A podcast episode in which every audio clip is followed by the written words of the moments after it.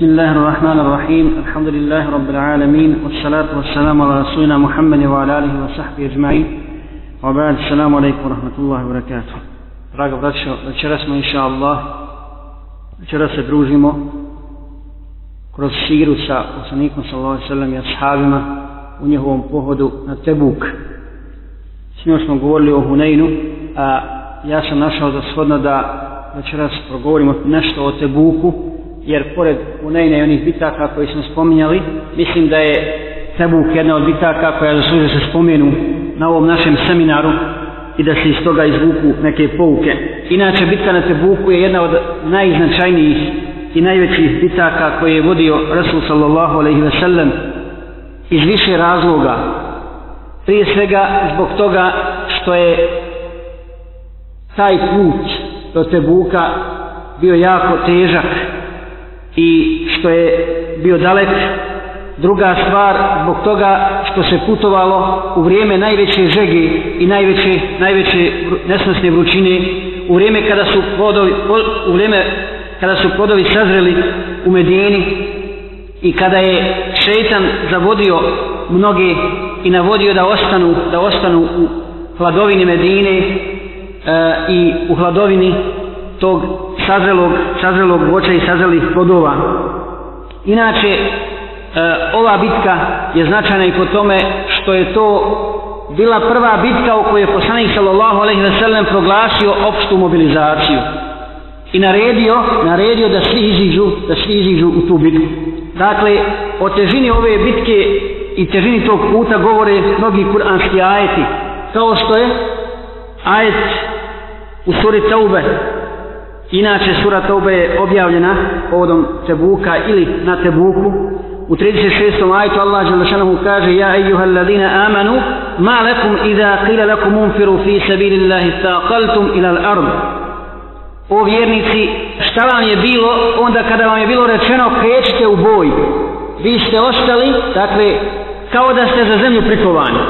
Kao da ste za zemlju prikovani, toliko vam je bilo teško teško da iziđete kad vas je poslanik sallallahu alejhi ve sellem pozivao ili u drugom ajetu Allah dželle šanehu kaže ma kana li ahli al-medine wa man hawlahum min al-a'rab an yatakhallafu ar rasulillah ne treba da stanovnici Medine i oni oko nje izostanu izostanu iza poslanika sallallahu alejhi ve sellem dakle kad krene na Tebuk Dakle, Allah Đelešanu upozorava na ovaj način da su dužni svi muslimani koji mogu, koji nemaju nikakvog opravdanja da izidu s poslanikom sa veselem ovu bitku.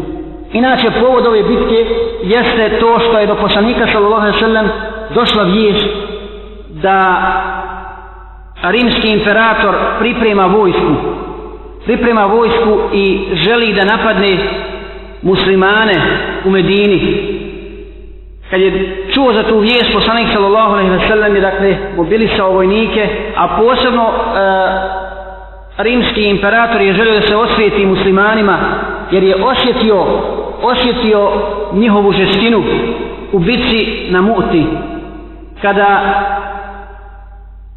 se šaka ashaba i šaka istinskih mumina su prostrela tolikim rimljanima i nisi uspjeli pobjediti. Ni muslimani nisu pobjedili, nego je Halid ni Velid uz Allahu pomoć uspio vratiti, vratiti vojsku nazad u Medinu. Dakle, osjetili su već snagu muslimana i željeli su sad da ih preduhitre i da napadnu u poslanika sallam i muslimane u Medini, da bi im se na taj način osvetili.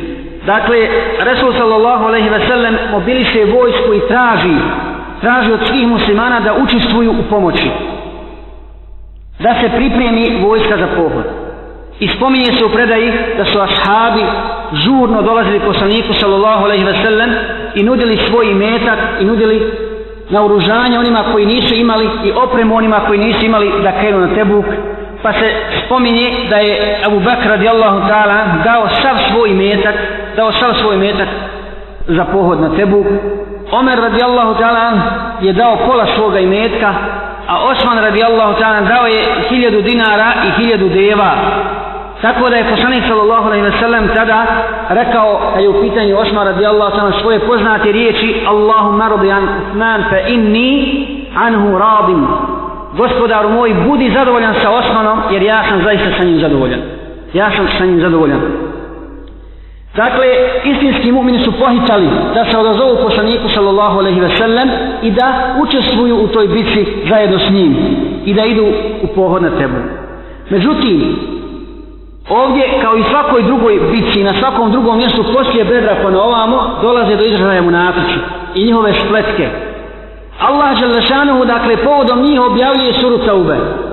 I kaže Abdullah ibn Abbas, toliko se u suri Taube spominje va minhum, va minhum, va min. I od njih su i oni, pa se spominje njihove osobine, da smo mislili da neće nikoga dostaviti. Da će nas svi ubrojati u munafike. E, dolazili su neki munafici sa različitim isprikama.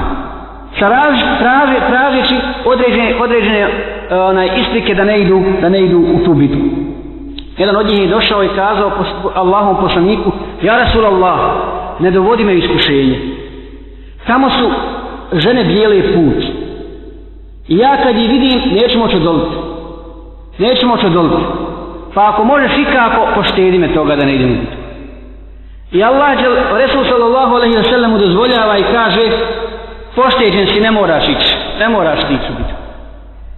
Allah, džel, u povodom ovoga, munafika objavljuje ajete, objavljuje 49. ajet sura Taube, gdje kaže, ومنهم من يقول اذن لي ولا تفتني ألا في الفتنة شقت وإن جهنم لمحيطة بالكافرين Dakle, ima onih koji ti dolaze i kažu Poštedi nas, ne, dovedu, ne dovodi nas u iskušenje Oslobodi me, oslobodi me od bitke A eto, sami su pali u iskušenje Jer ono što se desilo posle bitke Da je otkrivanje munafika i sramoćenje Jer poznate da se sura Taube Zove još Al-Fadiha Ona koja sramoti munafike ona koja otkriva, otkriva njihove osobine.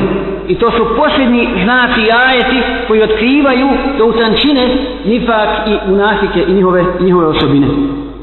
Bilo je i među muslimanima onih koji su bili iskreni mu'mini, ali su izostali iz bitke. Izostali su iz bitke. Allah je želešanom spominje također u suri Taube. Dakle, zaista je izazov bio velik. Izazov je bio velik i od onih koji su izostali, a pripremali se bili, pripremali se za tu bitku, bili su Ka'b ibn Malik, Murara ibn Rebija i Hilal ibn Umeyje. O ovoj trojici ashaba su objavljeni posebni ajeti koji ćete učiti do sudnjega dana u njihovoj primljenoj taubi. I kada bismo imali vremena, kada bismo imali vremena da ispričamo sve ono što se spominje u hadisima, odnosno u predajama o njima, bilo bi zaista interesantno. Posebno priča, priča Kabe ibn Malika, kako je on to doživio i kako su inače doživjeli taj hrđ poslije povratka kad se poslanik sve selem vratio naredio je da niko s njima ne smije govoriti da se niko s njima ne smije selamiti čak im je Allah što on zabranio nakon izvjesnog vremena nakon 20 ili nekoliko dana zabranio je poslanik sve selem se sastavi sa svojim ženama i tako dalje Dakle, svi su bili digli ruke, ruke od njih. I onda Allah opisuje to stanje njihovo, koliko mi je bilo, to, koliko mi je bilo teško. Kaže Kab ibn Malik, tako mi Allaha, nikad nisam bio spremniji za borbu, kao tada. Ali šeitan me naveo i zaveo da, da, ostane, da ostane u Medini. I stalno sam govorio kad je poslanik sa sve izišao sa, sa svojom vojskom i kad izišao sa sadma, kad sam vidio ko je ostao u Medini, rekao sam, ostani samo na Africi. Ostani se samo na Africi. Ja sam govorio, evo sad ću, sad ću, sad ću se spremiti. Pa danas, pa sutra i završilo se tako nije, nije otišao. Dakle, njih trojica nisu otišli, nisu otišli na tebu. Dalje, Allah za sanom u suri, suri Taube spominje ljude, ljude koji su imali opravdanje, muslimane koji su imali opravdanje da ne idu u tu bitku. I kaže, lejse ale du'afa i wala ale l'marda, wala ale l'ladine la jeđidune ma junfikune harađun i da nasahu lillahi wa rasulihi ma ale l'muhsinine min sabir, vallahu gafuru rahim nije grijeh, dakle nije grijeh slabim i bolesnima i onima koji ne mogu da nađu poputbinu za bitku, da izostanu ako budu istinitima Allahu za njegovom poslaniku. وَلَا لَلَّذِينَ إِذَا مَا تَوْكَ لِتَحْمِلَهُمْ قُلْتَ لَا أَجِدُ مَا أَحْمِلُكُمْ عَلَيْهِ تَوَلَّا وَأَعْيُنُهُمْ تَفِيضُ مِنَ الدَّمِ حَزَنًا أَلَّا يَجِدُ مَا يُنْفِقُونَ Niti onima, niti onima koji su došli, tražili od tebe da im daš da idu u bitku i ti si rekao ne mogu vam ništa dati pa su se oni tužni, dakle, sužnih očiju vratili. Dakle, Allah Đelešanu spominje ovaj ajtima, u hadisma se spominje predaja, da je to, da je, da je to skupina od sedam siromašnih muslimana, koji su došli poslaniku sa selem i tražili da, da ih naoruža, da ih opremi, da oni krenu s njih. Pa je poslanik sa selem tražio i nije mogo za njih naći ništa. I kad im je to saopštio, oni su zaplakali, zaplakali zbog žalosti što ne mogu da idu s poslanikom sallallahu alaihi wa sallam. Pogledajte razlike između istinskih mumina i munafika koji su imali sva sredstva nisu, nisu otišli na Tebuk s poslanikom sallallahu alaihi wa sallam. Na ubici na Tebuku ili u tom pohodu desili se raznorazne stvari, vrlo interesantne. I ajeti, odnosno muđize poslanika sallallahu alaihi wa sallam, bilo je munafika koji su, koji su se okupili u jednoj kući okupili u jednoj kući i nagovarali druge da odustanu, da ne idu, da ne idu u bitku govoreći وَقَالُوا لَا تَنْفِرُوا فِي الْحَرْبِ govorili su ne idite po vrućini vidite kolika je žega pa Allah Želešanu mu kaže قُلْ نَارُ جَهَنَّمَ شَدُّ حَرَّا لَوْ كَانُوا يَفْقَهُونَ Reci, zaista je džehennemska vatra mnogo žešća i mnogo, mnogo vruća kad bi oni, kad bi oni to razumijeli. Dakle, u tom pohodu, onaj ko je odustao i ko je izostao za izvjesno vrijeme bio je Jebu Hejtam. Jedan od poznatih ashaba imao je dvije žene. Imao je dvije žene i poslanik sa sedem izišao s vojsku. A on je došao kući i zatekao je svoje žene gdje su mu pripremile postelju, pripremile, e, namjenicale postelju, pripremile hladnu vodu i, je, i jelo, i jelo. Pa kad je to vidio, kad je to vidio, a poslanik sa sedem već otišao s vojskom kaže Wallahi ovo nije pravedno Wallahi ovo nije pravedno Jer vidjeli smo ovom ajetu kako Allah kaže Ne treba vjernici, oni koji su u Medini ili oko nje Da izostanu I za te bitke i da svoje živote pretpostave životu poslanika sallallahu alejhi ve On izišao, oni ostali. Pa ovo nije pravedno. Poslanik sallallahu alejhi ve izišao, a ja ostao ovdje. I na taj izazov i kaj tako mi Allaha neću okusiti ništa od ovoga dok se ne sretnim, ne sretnim s poslanikom sallallahu alejhi ve I krenuo je krenuo je, pripremio je svoju jahalicu svoga konja i e, da sustigne poslanika sa selem i ostale ashabe. I poslanik sa selem je odmarao na jednom mjestu i neko od ashaba je ugledao konjenika koji ide, koji kroz pustinju dolazi, dolazi susret, pa su rekli, ja Rasulallah, ja Rasulallah, konjenik, vidimo konjenika u pustinju, ide, približava se nama. A Allahu Hrvatsan je rekao, neka bude Ebu Hajib molim Allaha da bude Ebu Hejfa. Pa kad se približil, kad, se, kad je došao, vidjeli su, vidjeli su da je to on. Dakle, pogledaj, poslanik sada sada je znao za njegovu iskrenost. Znao je da oni, čudilo ga to što, što je on izostao. Što je on izostao iz bitke i onaj, pogledaj koliko je bio iskren prema, prema svojim ashabima i koliko je želio da učestvuju u tome da se pokore Allahu da samo da ne bi zaslužili, da ne bi zaslužili bolnu, bolnu patnju. To je dakle događaj sa tim, sa tim ashabom dalje e, spominje se slučaj i na Tebuku i u tom putu na su monatici stalo radili protiv, na razbijanju toga. Dakle, krenuli si, krenula je neka skupina i monatika na taj put. Ali ne da bi se borili, nego samo da bi razbijali te radove. Dakle, oni ustrajavaju u svom lafikluku i stalno razbijaju i šire fesa, šire, šire nerede. Na tom pohodu poslanik sallallahu alejhi ve sellem izgubio svoju devu. Izgubio svoju devu. Jedan od munafika, jedan od munafika je rekao pogledajte, ka, među ashabima, kaže da je poslanik i kaže da mu dolazi objava, a ne zna gdje mu je drva. A ne zna gdje mu je drva. I kaže da, da, da mu dolazi objava s nebesa, da mu donosi Džibri objavu, a neće da mu kaže u Džibri gdje mu je, gdje mu je deva. I onda je došao Džibri s objavom i rekao mu, deva se nalazi tu i tu, on zamotala se zajedno stavlo na njen, njen povodac, tako da ne može, ne može da kreni. I poslanih se da se ne posljedno ashaba i našao je na tom mjestu gdje je poslanik sallallahu alejhi ve sellem kazao i tako i ta spletka, spletka munafika, munafika razbijena. Dakle, samo ćemo neke stvari koje su najinteresantnije spomenuti. Također, e, interesantan je događaj sa Ashabom Ebu Zerom, radijallahu ta'ala. Ebu Zer je krenuo s poslanikom, sallallahu alaihi wa sallam, sa osnovim Ashabom, pohod na Tebuk, međutim, negdje na putu, negdje na putu, ostao je bez jahalice. Jahalica je oslabila i nije znao šta će a imao je popuhnu na njoj, dakle hrane, od, ono što je ponio od hrane i pića, pa je ostavio jahalicu i ona je škapala, a on je krenuo pješko. I tako da je puno izostao, puno izostao iza, iza poslanika sa selem i ove poslanikove vojske, njegovih ashaba. Kad se odmarali također u jednoj, jednoj dolini, ugledali su tog pješaka koji ide sam natovaren, natovaren svojim teretom, pa je rekao Resul sallallahu alaihi wa sallam, molim Allaha da to bude Abu Dharu. I stigao je Buzar, pa je rekao Resul sallallahu alaihi sallam, neka se Allah smiluje Buzaru. Ide sam, dakle došao je sam i umrijeće sam i bit će prozivljen sam.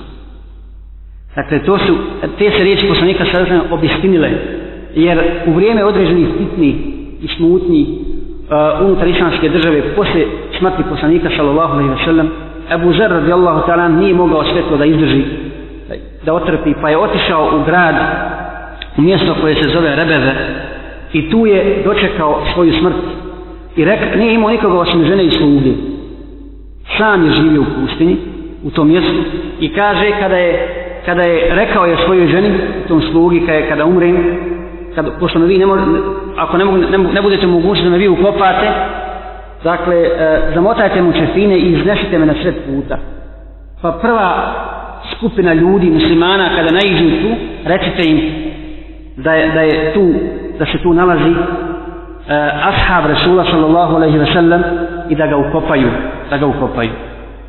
Tako je bilo, umro je Buzer radijallahu ta'ala i onda je ga ovaj sluga opremio i zamotao u čefine i iznijeli izni, izni, izni su ga na sred puta.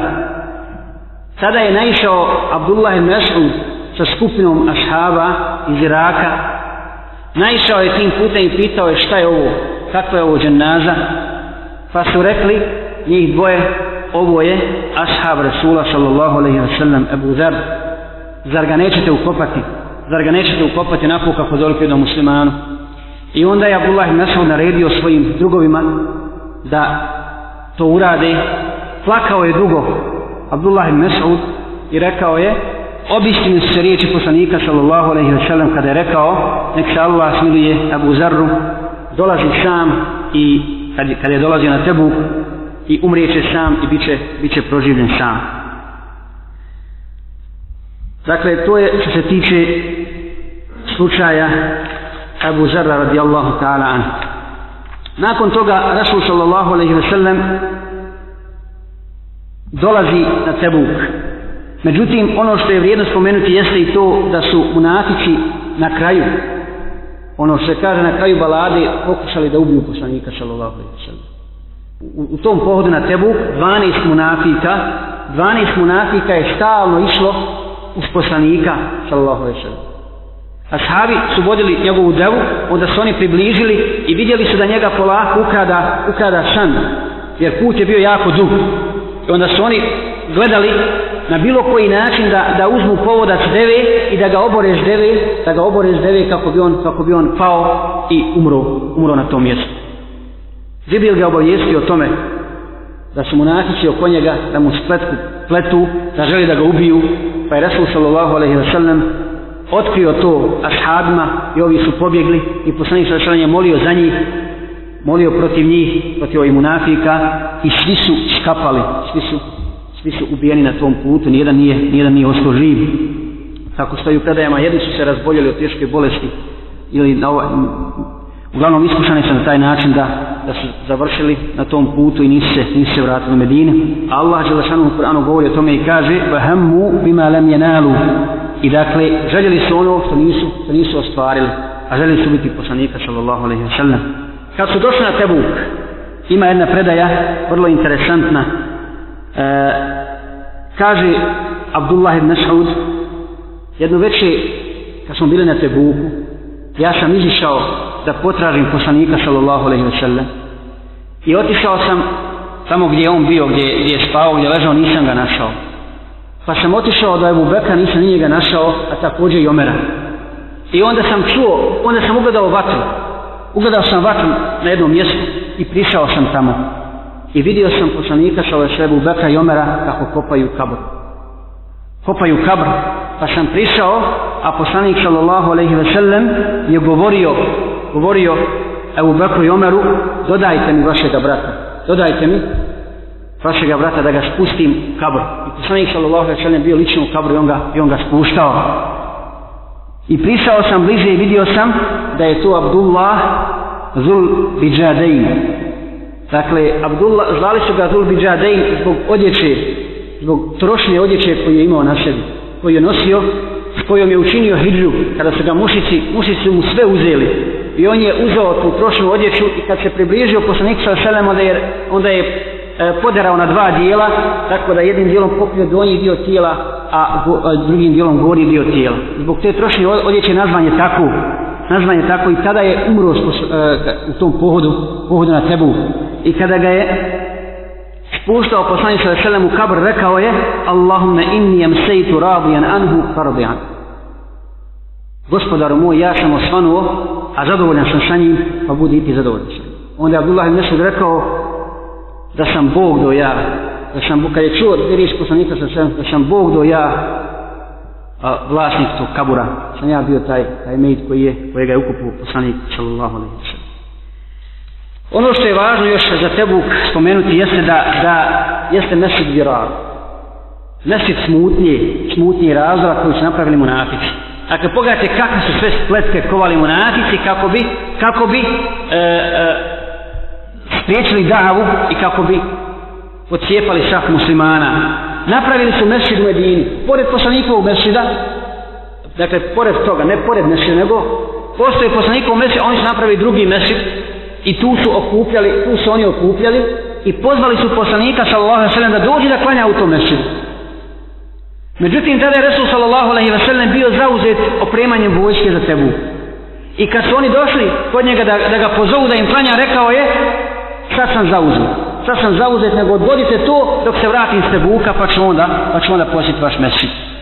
I na Tebuku Allah dželle šanehu objavljuje ajete, objavljuje ajete o tom mesdžidu والذين اتخذوا مسجدا ضرارا وكفرا وتفريقا بين المؤمنين وإرصادا لمن حارب الله ورسوله i oni koji su mesjid izgradili koji su mesjid izgradili mesjid razdora i smutnje da bi pravili, pravili e, razdor među, među muslimanima dakle oni koji da bi, da bi na taj način ratovali protiv Allaha i njegovog, njegovog poslanika Pa je Resul sallallahu alaihi wa sallam na osnovu tog ajeta kad se vratio u Medinu, okupio ashaba i naredio neko, e, dvojici ashaba da odu, da srušaju taj mesid, da srušaju taj mesid i da ga, da ga zapale. I ono što je još vrijedno spomenuti prije nego što spomenimo glavne pouke iz ove bitke kao događaj jeste da je Resul sallallahu alaihi wa sallam kad se vraćao u Medinu, kad se vraćao u Medinu, e, rekao, zaista su u Medini ostali ljudi, ostali ljudi koji imaju nagradu kao i vi.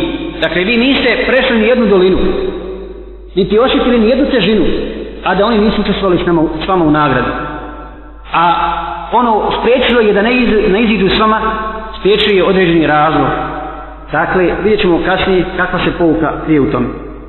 Tako se poslanik Salasalem vratio, vratio u, Medi, u Medinu, zaboravili smo kazati da je ostao na Tebuku, da je ostao na Tebuku, neki različite predaje oko toga, između, između 13 i 20 dana, između 13 i 20 dana, ostaje na Tebuku, nije bilo bitke, dakle, e, nevjernici, kad su, nevjernici kad su, došli, kad su čuli za to, zato nisu smili ni, ni izići na Tebuku, dakle, to je bila lažna, lažna vijest, e, nisu smili se suprostaviti poslaniku, sa veselim, to je jedan dokaz, e, istinitosti poslanikovi riječi kada je rekao, pobezivao sa neprijatelja, sa strahom od mjesec, mjesec dana hoda.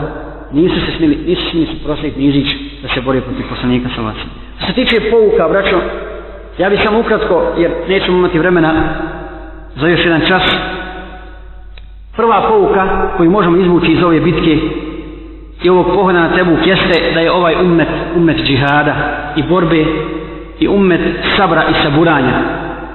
Dakle, te dvije stvari nalazimo kroz siru poslanika sallallahu alaihi wa sallam i vidimo da on, kako mu je dozvoljen džihada, posebno kako je naređen, nije ostavljao hablu do svoje smrti stalno se borio na Allahovom putu uzdižući tako riječ Allaha Đalešanuhu a ponižavajući nevjernike nevjernike i njihov kuf i dakle umet sabura i onda kada ovaj islamski umet ostavi džihad sigurno će doživjeti poniženje kako je rekao Resul sallallahu alaihi wasallam u svom poznatom hadisu i da te ba'atum bil'in wa hadatum أذناب البقر وتركتم الجهاد شلت الله عليكم ذلا لا ينزوه عنكم حتى ترجعوا إلى دينكم كاجي كذا بديت ترغوالي سكمتم i kada se budete uhvatili za kravlje repove i kada ostavite džihad Allah Đelešana će na vas pustiti poniženje koje se neće od vas dići dok se ponovo ne vratite potpuno vašoj vjeri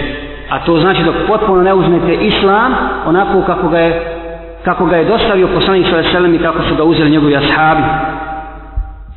Dalje, druga pouka jeste da je Allah Đelešanuhu propisao ponos i snagu ovome ummetu. I onda kada iskreno povjeruje, makoliko ih bilo, Allah Đelešanuhu će im dati sigurno ponos.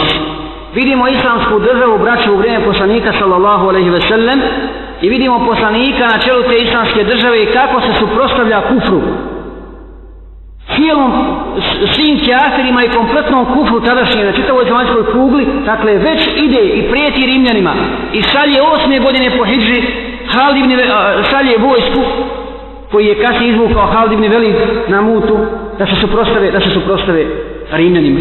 Evo ga sad na Tebuk ide, ide kad je čuo samo da rimski imperator priprema vojsku, on tada mobilizira, mobilizira kompletnu, kompletnu svoju vojsku. I to je prvi put da poslanik sallallahu alejhi ve uopšte nije krio ni od koga. Dakle nije tu koristio varku niti niti onaj neke šifrovane šifrovane riječi, nego je kazao rimski imperator se okuplja protiv nas, poziv ja proglašavam opštu mobilizaciju i pozivam sve muslimane sa da zovu. A znao je da postoje špuni koji će to prenijeti, koji će to prenijeti, prenijeti, prenijeti imenima.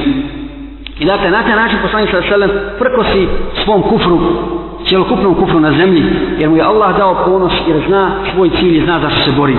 Treća stvar koju želimo spomenuti i pouka koju želimo izvući jeste, braćo, da se neprijatelj ne uvlači u redove muslimana i to je pravilo od prvih do posljednjih generacija osim preko munafika. I ovaj, ovaj umet neće doživjeti slabost niti podijeljenost osim preko sredbenika nifrafa kaže uzvišeni la uharadju fikum ma zadukum illa habalan wala awdau khilalakum yabgunakum fitna wa fikum sam'un lahum da su imali namjeru da po ili da su pošli s vama da su pošli s vama ne bi vam povećali ništa drugo osim što bi unijeli smutnju u vaše, u vaše, u vaše redove da su izišli dakle s vama u nafici ovo je dokaz da je bolje da su ostali u Medinu jer od munafika nema nikakve koristi. On ili će pobjeći s bojnog polja, ili ako ostane, unosit će, unosit će nered, u, nered, nered u, u bojne redove.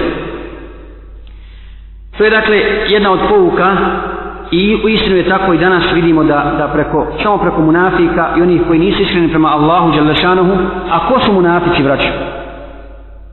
Munafici, munafika nema u redovima, redovima kršana i židova. Oni su redovima, redovima muslimana, oni klanjaju, oni posti, oni izvršavaju naredbe. Dakle, formalno i javno ispovjedaju islam, a u duši kriju kufr. I oni su gori nevjernici od svih nevjernika. Zato Allah će kaže za njih innel munafitina fi dzarkil ašfal minanna. Zaista će munafici biti u najdonjim slojima džahennama.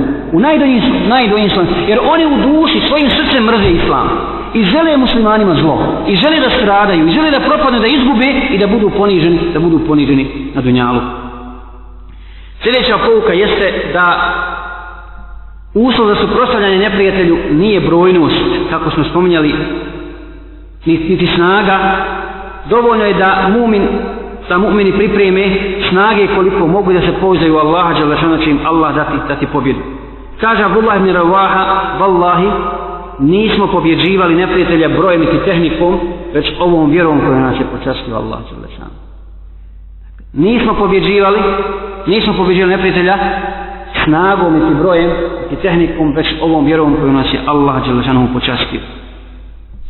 Sljedeća pouka jeste, braćo, da istina mora imati snagu koja će ih čuvati.